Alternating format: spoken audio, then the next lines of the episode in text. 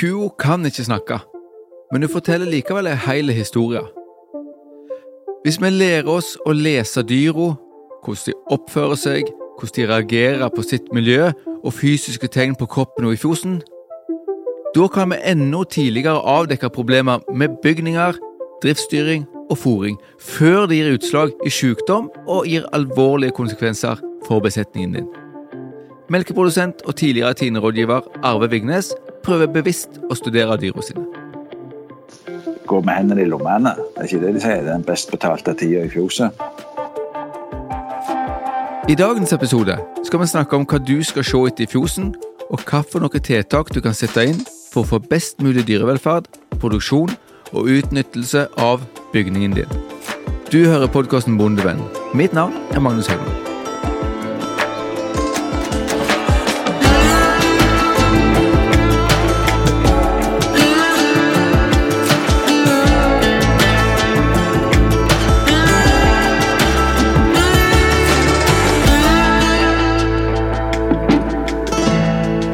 Podkasten Bondevenn blir presentert i samarbeid med Sparebank1 SR-Bank og Tveit Regnskap. Vi bidrar til at bonden lykkes. Kusignalet handler om å se etter signalet dyra gir på hvordan de takler sitt miljø. Cow Signals er en patentert merkevare som er grunnlagt av nederlenderen Joop Driesen, som er veterinær og holder kurs og foredrag over hele verden. Dette er Ingvild Lutebergneset. Du Ingvild, du har jo vært foringsrådgiver i Tine, og da vet jeg at du var opptatt av å komme deg ut i fjoset for å se hva som foregikk i praksis. Ja, det å se etter kusignalet det er veldig nyttig når en skal drive med fòring og andre former for rådgivning. Vi må se om det vi regner oss fram til i teorien, stemmer med virkeligheten. En av de første kusignaltrenerne i Norge er Bengt Egil Elve. Han jobber nå som fagsjef for storfe i Nortura. Kusignal er et nederlandsk konsept som går ut på å ta utgangspunkt i uh, storfe sitt behov og væremåte og reaksjonsmønster, sånn at du greier å tilpasse driftsformen, driftsopplegget og å utforme fjøs og driftsbygninger sånn at de passer best mulig til dyra. Eh, og, og det, da vil du få positive resultater med, med bedre produksjon og, og trivelige dyr. Mange bruker kusignalet mer eller mindre bevisst. Noen får en aha-opplevelse når de går inn i en kusignal-tankegang. I stedet for bare å observere at et eller annet ikke stemmer, så skal en stoppe opp og tenke hvorfor er det sånn, og hva kan vi gjøre med det?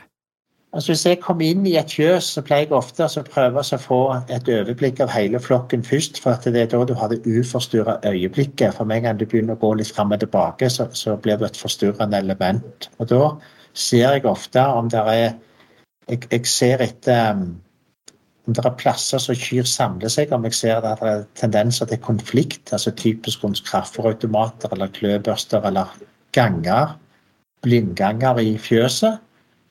Og Så ser jeg etter om det er mange kyr som står i liggebåsene, eller om de ligger. Det er et veldig viktig signal. Og så etter hvert, så, som du ser nøyere etter, så greier du å se mer på enkeltdyr. Enk, og da ser jeg etter dyr som skiller seg ut.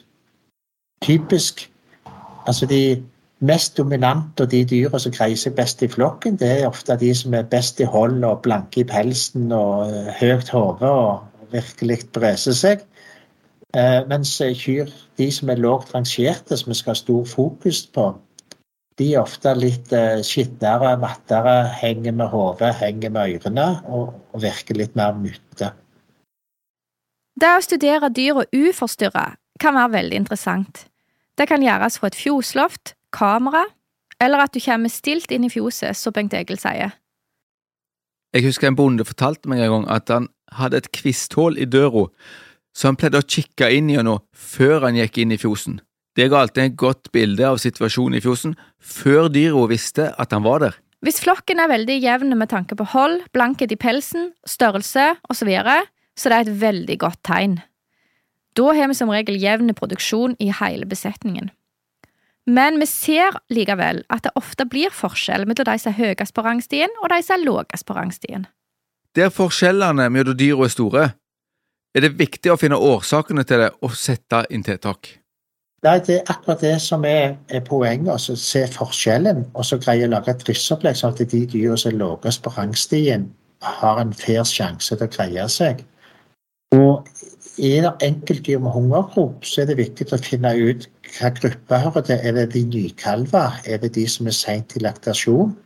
Er det dyr som er halte? Altså finne årsaken til de forskjellene for da å kunne finne hva som er tiltakene for å forbedre den situasjonen. Det er veldig viktig at de som har det daglige stellet, greier å se sånne ting for å sette inn tiltak tidlig. Fòring er veldig viktig for å få til en høy produksjon, friske kyr og god dyrevelferd. Vi vet at det å få til et høyt fôropptak, altså få dyra til å ete mye, er en av de viktigste faktorene for å få de til å melke. Som vi har snakket om før, så er kvaliteten på grovfòret avgjørende for at vi skal få til et høyt grovfòropptak. Men i dag så skal vi fokusere på de signalene som kua gir oss på om hun har spist nok. Jeg syns signaler på fôropptak er helt fantastisk, for du kan se både på kort sikt og lang sikt. Og eh, på kua er på venstre side, og på venstre side så får du hunger, en hungergrop, kalles det, som er en innsunken trikant framfor hoftekammen mellom ribbebeina. Og hungergropen, da, det sier noe om fôropptaket de siste timene, fem-seks timene. Og har, jeg pleier å si at hvis kyr har et innsunket preg der, det er på venstre side, så skal det nesten gjøre vondt i øynene hvis du ser det. For det er et tegn på at du ikke har fôrt nok de siste timene. Men så kan du se, hvis du går bak kua og så ser, så skal eh, vomma på venstre side bule ut, så at det på venstre side så ser ei, ei ku som åt mye de siste dagene. Disse signalene de skal vi altså ta på alvor. Og her må vi se om det gjelder hele flokken, gruppe av dyr eller enkeltindivid. Gjelder det hele flokken, så må en gå gjennom fôringsrutinene sine. Mange moderne fjos er bygd med tre rekker med liggebåser i melkeavdelingen og et fòrbrett langs langsida. Hvis vi da også har gjellkuavdeling og fokusavdeling langs samme fòrbrettet, så er det ikke alltid en eteplass til hver ku som går i melkeavdelinga. Det krever jo, noe som din kjepphesting vil, at det alltid er fôr på fôrbrettet til enhver tid.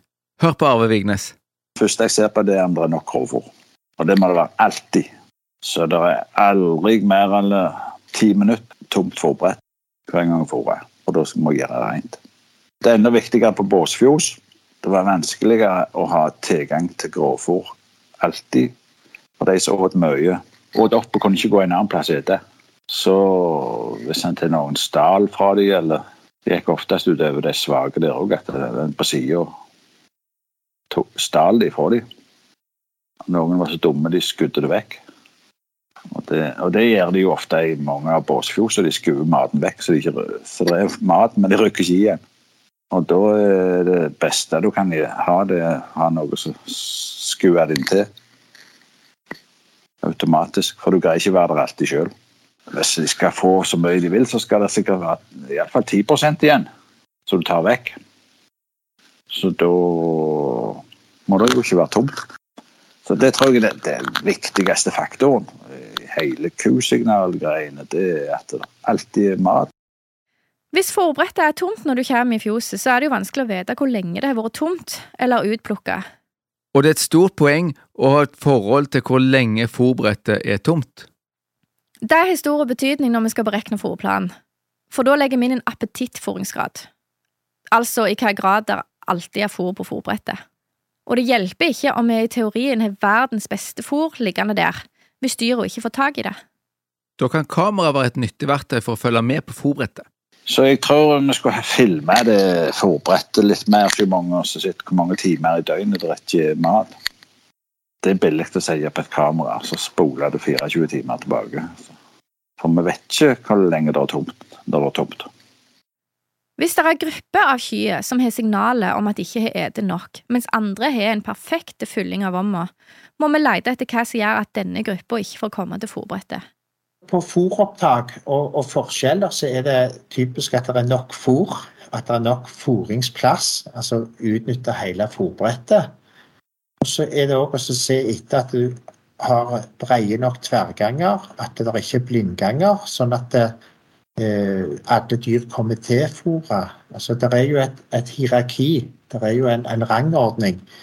Men, men, hvis vi har et bra driftsopplegg og et godt designa fjøs, så vil ikke de dominante dyra greie å, å hindre de lågt rangerte dyra til å komme til å ete. Hvis fjoset er trangt, med smale tverrganger og mange tette vegger, vil det være vanskelig for lågt rangerte dyr å komme seg til fòrbrettet. Dyr som har låg rang, de vil kvie seg for å gå rundt et hjørne der de ikke ser hva som møter de på andre sida. De er redde for å møte på den tøffeste kua i flokken og vil heller vente til det er trygt å gå. Og da får vi dyr som står og henger, i stedet for å ete, ligge eller melke seg, og produksjonen til dyret vil gå ned. Mens den høyt rangerte kua den vil kunne ete hvor tid hun vil, og legge seg når hun vil, melke seg når hun vil, og vil da klare seg kjempegodt. Men så er spørsmålet, hvor skal vi begynne hvis det er stor forskjell i flokken? Har vi mange tette vegger, smale blindganger, så kan en vurdere om det er mulig å åpne litt opp i fjoset. Altså kan det være godt betalt å slå ned noen betongvegger. Ja, det kan det. I nyere fjos har de ofte unngått tette vegger og sørget for å ha god plass i alle ganger og populære områder, sånn som rundt roboten, drikkekar og kaffeautomat. Det er også viktig å ikke plassere disse populære områdene for tett i lag. Da kan dominante kyr klare å passe på mye på en gang. Er de populære plassene spredt rundt i fjosen, vil ikke ei ku klare å skremme vekk de lågt rangerte fra alle de gode fasilitetene samtidig. En annen ting som vil bidra til å gjøre flokken jevnere, det er å sørge for å fôre opp store og robuste kviger. Hvis kvigene er store og friske, så klarer de seg ofte bedre i et løsdriftsfjos i lag med eldre kyr. Det starta i kvigeoppdrettet, og vil du høre mer om hvordan du får store og robuste kviger, så kan du høre på episoden som heter Kvigangst. Kua gir ikke bare signaler om å ha fått nok fôr men òg om fòrrasjonen gir et godt vårmiljø. Med det mener vi om kua får passe mengde fiber i forhold til lettløselige karbohydrater, sånn at vomma fungerer godt, og at kua kan utnytte det fôret hun får. Og her er det mange signaler vi kan se etter.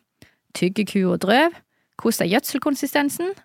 Bare hør på Bengt Egil. Jeg teller pluss-minus 60 tygg per ørteball. Altså du ser ei ku gulpe opp eh, ørteball, og så tygger de typisk rundt 60 ganger før de svelger igjen. og Tygger de særlig under 50-55, eh, så tyder det på lite fiber. Og ligger de oppi 65-70 og oppover, så er det gjerne for mye fiber. For mye fiber er jo positivt, men samtidig så fyller det for mye i vom, og det hindrer fôropptak. Så gjeldkyr kan godt ha tygga mye. Men med sånne signal, du må ofte se de sammen, for det med telle tygg det er sånn en tommelfingerregel. Så kan du i tillegg vurdere gjødselkonsistens, altså hvordan dyret skiter, og så hungergrop. Så kan du si en ku som tygger 45 ganger, skiter tynt og har god hungergrop. Da har du tre signal på at du har for lite fiber i grovfòrasjonen, uten å se på en eneste fòrplan.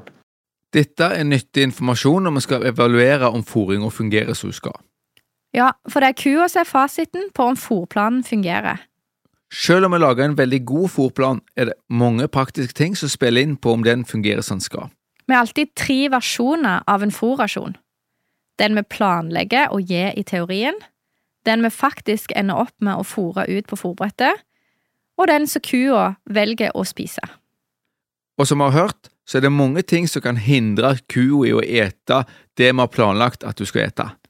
Og Derfor er det så viktig å justere seg inn etter det du ser av signalet i fjoset. Men når det gjelder gjødselkonsistens, er det ikke alltid så enkelt i løsdriftsfjos å vite hvem som skiter fast og hvem som skiter bløtt. Hør på Arve. Ellers så ser vi jo etter om de er skitne på halene. Om de er litt vanskelig å se om de er har løs mage i fjoset, for det er ikke alltid de, de er der som de har gjort ifra seg. Sånn at du må se etter er det tegnplasser så det er blaut skit. Er det blaut skit, så er det som regel ei årsak til det, og den er som oftest skjeden på halen. Og Da må du inn på denne melkegrafen. Så Hvis den går opp og ned, dropper eller går veldig mye hakkete, så bruker jeg melkegrafen til å justere kraften. Hvis de er veldig opp og ned, så tyer de på at de får i overkant av det de tåler. Vi snakker om løse mager, men det kan være vanskelig å vurdere hva som er for løst og hva som er for fast. Har vi noen konkrete råd om hva vi skal se etter? En ting som er veldig tydelig og lett å se, er jo hvis skiten kommer ut som ei sammenhengende stråle. Den deler seg altså ikke opp på vei ned til gulvet. Det er altfor tynne skit, og da skal det settes inn tiltak. Det er lett å se. Ja, men så kan vi også se på kurukene. Skiten bør ikke flyte helt ut på gulvet, men danne ei ruke på 1-2 cm høyde. Og når vi trør med støvelen oppi ruka, så skal ikke sporet fra støvelen flyte helt sammen og forsvinne. Da tyder det på at det er for lite fiber og dårlig fordøyelse. Du Ingvild, vi har jo klappetesten. Den egner seg for podkast. Ja, hvis vi tenker når vi hører i fjoset at kyrne skiter, så skal det ikke være sånn her. Da er det litt for tynne ski. Det skal være mer sånn. Så bra. Det er jo et bilde som funker på podkast. Ja. Men hvis ei ku får for lite fôr, eller feil fôring over tid, så vil dette påvirke holdet til kua. Og så til slutt så er det holdvurdering. Og det å lære seg holdvurdering er veldig viktig. Og utviklingen i holdet sier noe om fôropptaket de siste månedene. En ku så er det for lite tar av, altså holdet minker, og blir tynnere. En ku spiser for mye blir for feit, så må fôringen justeres etter det. Syns du holdvurdering er vanskelig? Det finnes gode plansjer på nettsidene til Geno, eller finn en rådgiver eller kollega med erfaring som kan hjelpe deg. Denne episoden er sponsa av Felleskjøpet Rogaland Agder. Felleskjøpet arbeider hver dag for din lønnsomhet som bonde, og for lokal og norsk matproduksjon. Ta kontakt med en av våre konsulenter, eller gå inn på nettsidene våre bondekompaniet.no. Ei ku som har det bra, bruker mye tid på å ligge. Og det er mange fordeler med å få kua til å ligge mer. Ja, Det er sånn en tommelfingerregel at, eh, at hvis du er i området mellom 9 og 14 timer liggetid, eh, så får du 1 liter melk per time liggetid. Og årsaken til det er at dyret er anatomisk lagde så at det er høyere blodsirkulasjon gjennom juret når dyret ligger, enn når det står. Så du får egentlig gratis melk med å la dyret ligge. I tillegg så, så, så er dyret ute av veien. Hvis du har et litt trangt fjøs fra før, så kan det være viktig å ha fokus på gode liggeareal, for at dyret legger seg inn i båsen, ikke står og henger i, veien, i gangene og i veien. Og, og, dyr som ligger, de hviler òg klauen, og klauene tørker bedre opp. At du får en, et uh, høyt fôropptak og lang liggetid i båsen hvor de ligger og slapper av og tygger drøv, er viktig for dyrevelferd og friske dyr. I en del fjos kan vi se at kyet står og henger, enten i gangarealet eller i liggebåsen. Altså hvis de, hvis de står i liggebåsen, eh, så er det å finne ut hvorfor. Eh, og ofte så kan det være små justeringer som gjør at liggebåsen ikke fungerer optimalt. Men jeg syns at den beste måten å sjekke om liggebåsen er bra, det er å sjekke når dyret reiser seg. Og når ei ku reiser seg, så skal det være plass til hodesving, at du strekker hodet godt fram og løfter bakparten og løfter framparten uten å dunke seg. Kua trenger god plass til den naturlige reise- og leggebevegelsen. Hvis du har observert når ei ku reiser og legger seg på beite der det ikke er noen hindringer, så bruker hun mye plass. Jeg mener jeg har hørt at du trenger 1-1,5 meter før liggebåsen for å ha plass til hodesvingen sin. Ja, og det avhenger jo veldig av størrelsen på kua. Ei svær holsteinku trenger mer plass enn ei lita jerseyku. I mange fjos er det kortere avstand enn én meter fra liggebåsen til veggen eller til andre hindringer. Det gjør at mange får en unaturlig reise- og legebevegelse. Hvis liggebåsen er plassert mot yttervegg og det er veldig kort avstand, så kan du risikere at liggebåsene der ikke blir brukt. Viktige elementer i liggebåsen det er at det er minst fri høyde opp til én meter fra gulvet i framkant der så hodet skal eh, fram når hun reiser seg. Og så skal brystplanken altså brystplanken som hindrer kua til å gå for langt, krype for langt fram i båsen etter hun har lagt seg, Det skal være minst eh, Forskriften er minst 80, 1,80 fra bakkant på båsen, men jeg syns det er nesten litt for lite. Og så skal det være 1,15 opp til nakkebommen. Og det som er så fint, er at dette er enkelt å sjekke med metermål. Er målene for små, så er det ofte ikke så veldig vanskelig å justere på det, med å løse noen skruer og flytte nakkebom og brystplank.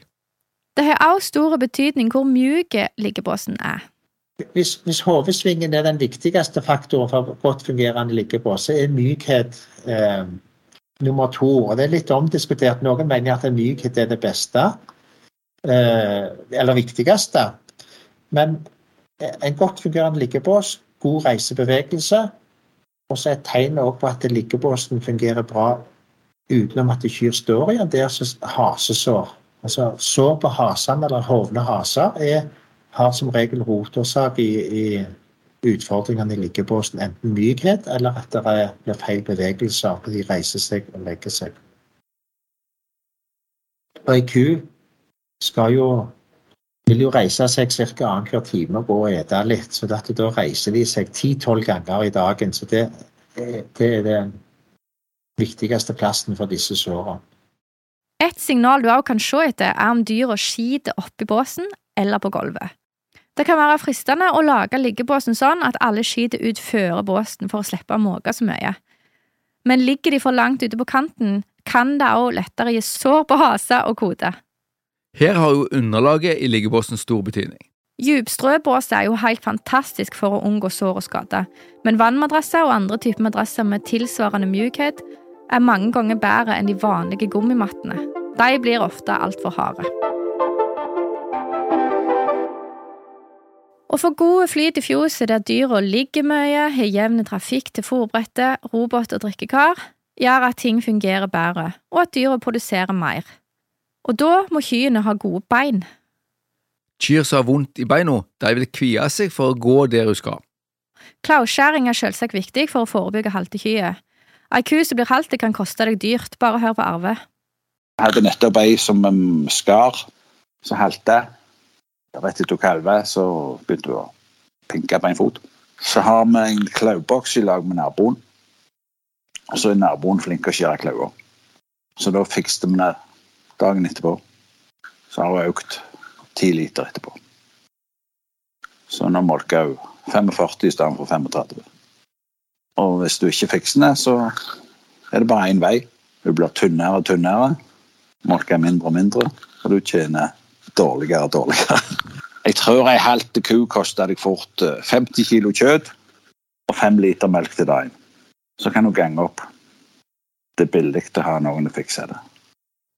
Gulvet spiller en stor rolle for hvordan fjoset fungerer. Er gulvet for glatt, vil det dra med seg mange problemer. Glatte gulv og usikre dyr er, er risikofylt. Og, og, det starter ofte altså at Manglende fôropptak er på en måte rotårsaken til mange andre lidelser. altså det er Rotårsaken til lag og arter. Det kan være rotårsaken til at du har dårlig fruktbarhet. Og det kan òg være rotårsaken til at du får lav proteinprosent i melk, eller til slutt gjerne eh, lav fettprosent.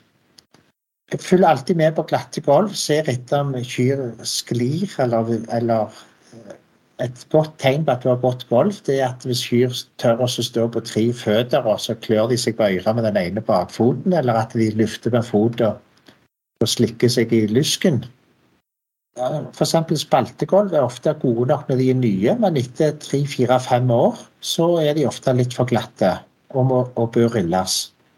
Og, og riller du gulvet, så opplever mange at fôropptaket går opp, og produksjonen går opp, og fruktbarheten bedrer seg, og helsa blir bedre.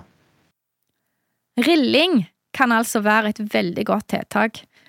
Det perfekte gulvet finnes nok ikke, men det har stor betydning at vi gjør det beste vi kan. Tore gode beiter er nok det beste underlaget, men så gjelder det å finne noe som er driftssikkert og praktisk inne i norske fjos. Å observere dyra kan høres tidkrevende ut, og noe så lett å hoppe over i en travel hverdag. Og det er klart at Hvis du ser at ting ikke funker, og du må sette i gang med masse tiltak for å forbedre situasjonen, så tar det jo tid. Men det kan være lønnsomme timer. Ja, og etter hvert som en har gjort det en stund, så kommer en inn i måten å tenke på, og da kan det å observere dyra bli en del av den daglige rutinen. Jeg bruker den tida jeg går og gjør rent i liggebåsene, og ser da. Så du må gå seint og gjøre det, og ikke bare se på det du skal gjøre, men du må se på dyret. da. For det er da du er nære dem. Og så ser du om de har ny til freden. Hvis de hjorter og ligger og slapper av, eller de sover. Det gjør de jo ikke så ofte, men de sover av og til. Ti minutter. Seks ganger i døgnet. Og hvis de, hvis de har det ro og fred og ligger og slapper av eller gjort det og ser ut som de har behagelig, så, så er det bra. Hvis vi i tillegg tar i bruk ny teknologi, så kan det jo faktisk være arbeidsbesparende. Men så har vi kamera, så vi kan kikke på dem når jeg ikke er i fjoset. Og det syns jeg er vel så viktig. Du ser ting da som du ikke ser når du er der.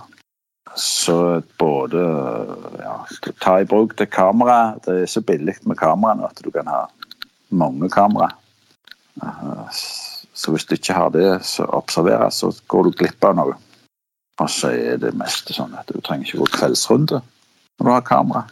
Hvis du ser at alle har målt seg og gjør det de skal, så tar en runde på kamera, så kan du se at alt er ok. Så kan du fikse det hvis det ikke er det. Jeg vil også anbefale alle som skal i gang med å bygge om eller bygge nye fjos, å ha med seg Q-signaltankegangen i planleggingsprosessen. Det er lettere å lage et godt utformet fjos når man har med seg disse tingene inn i planleggingsfasen inn på tegnebrettet, enn å gjøre det om etterpå. Da tror jeg kanskje vi kom så langt at det er på tide å oppsummere. Siden du Ingvild kan Q, så syns jeg du skal oppsummere dine. Ok. Bruke litt tid på å studere hvordan dyra takler sitt miljø, og hvordan de responderer på fôringa, det kan være godt betalte timer. Skaff deg et overblikk. Er det noe som ikke stemmer? Står dyra og henger istedenfor å ete eller legge seg? Virker de urolige? Klumper seg i deler av fjoset? Da bør en se på hva som er grunnen, og gjøre noe med det. Fôringssignalet gir oss kjapp respons på om noe ikke funker i fôringa. Se på hungergropa, varseltrikanten på venstre side av kua, gjødselkonsistensen, om dyra er skitne på halen, og om de tygger nok. Og følg med på holdet. Hvis vi reagerer kjapt når disse tingene endrer seg, så kan vi lettere unngå de mest alvorlige konsekvensene, som sur vom, kraftige dropp i melkemengde og syke dyr. Du har hørt på podkasten Bondevennen. Mitt navn er Ingvild Luteberget Nesheim, og til daglig er jeg rektor ved Vinterlandbruksskolen i Ryfylke. Og mitt navn er Magnus Haugland. Jeg er rådgiver i Norsk landbruksrådgivning Rogaland og lærer ved Vinterlandbruksskolen. Har du spørsmål eller tilbakemeldinger til oss, så send en e-post til podkast at bondevennen.no. Episoden er spilt inn i ABC Studio i Etne. Lyd ved Stig Morten Søren. Takk for at du hørte på.